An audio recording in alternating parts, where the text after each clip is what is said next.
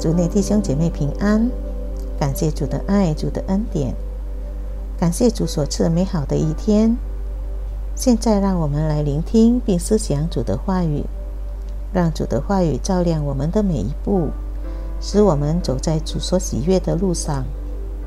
今天的门徒灵修取自于读经运动，主题是恩典与顺服。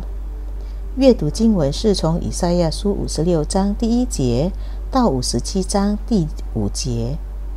我们一起低头祷告。主耶稣，感谢你赐给我们机会，能够聆听并思想你的话语。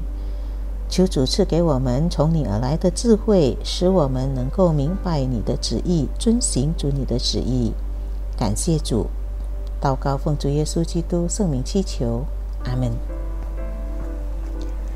恩典与顺服，许多人对唯靠恩典得救的教义存疑心。以为它会使我们不再顺服上帝的旨意了，这是偏激的见解。在五十六章第一节，耶和华说：“你们当守公平，行公义，因我的救恩临近，我的公义将要显现。”其实，救恩正是能使我们顺服的动力。我们当知，救恩不仅表示赦罪。也表示被圣灵更新生命之意。以弗所书第一章第十三节：生命被圣灵更新的人，必将努力做到顺服上帝的旨意。这也就是他们被称为或重生，已成为上帝儿女的人的缘故。约翰福音第一章第十二节。第三章第三、第五节，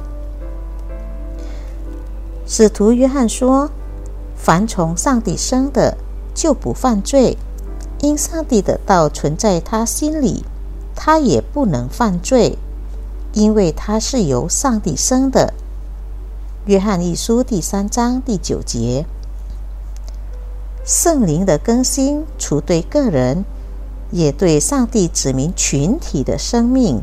产生影响。在旧约时代，上帝要以色列民不与迦南地的土著交往，以免受与上帝的旨意抵触的外邦人的生活行为和祭拜制度的恶劣影响。上帝对圣洁的要求，使被阉割的人不得入上帝子民的会中。请参阅。《生命记》第二十三章第一节，在圣殿中敬拜时，外邦人与以色列民隔开。上帝说：“这种启示人的制度要废除。外邦人和残疾人可入上帝子民的会中，但他们必须遵行顺服上帝旨意的条例，特别是要守安息日不干饭。”您是否已知，在基督里的救恩是基于所有人的，包括因贫穷和被视为社会杂质的娼妓和恶棍而受排挤的人？您是否接受在基督里的救恩？假如您已接受，请记住，您也必须过着顺服上帝旨意的生活。我们一起祷告，亲爱的天父，我们满心感谢你，感谢你所赐给我们一切的恩典。求主帮助我们都能够信靠顺服你。虽然人生不尽如意，但信靠顺服你的人，你必与我们同行。你所赐的平安喜乐也必与我们同在。感谢主，祷告奉主耶稣基督圣名祈求。阿门。主内弟兄姐妹再见，愿主耶稣的爱与平安常与我们同在。阿门。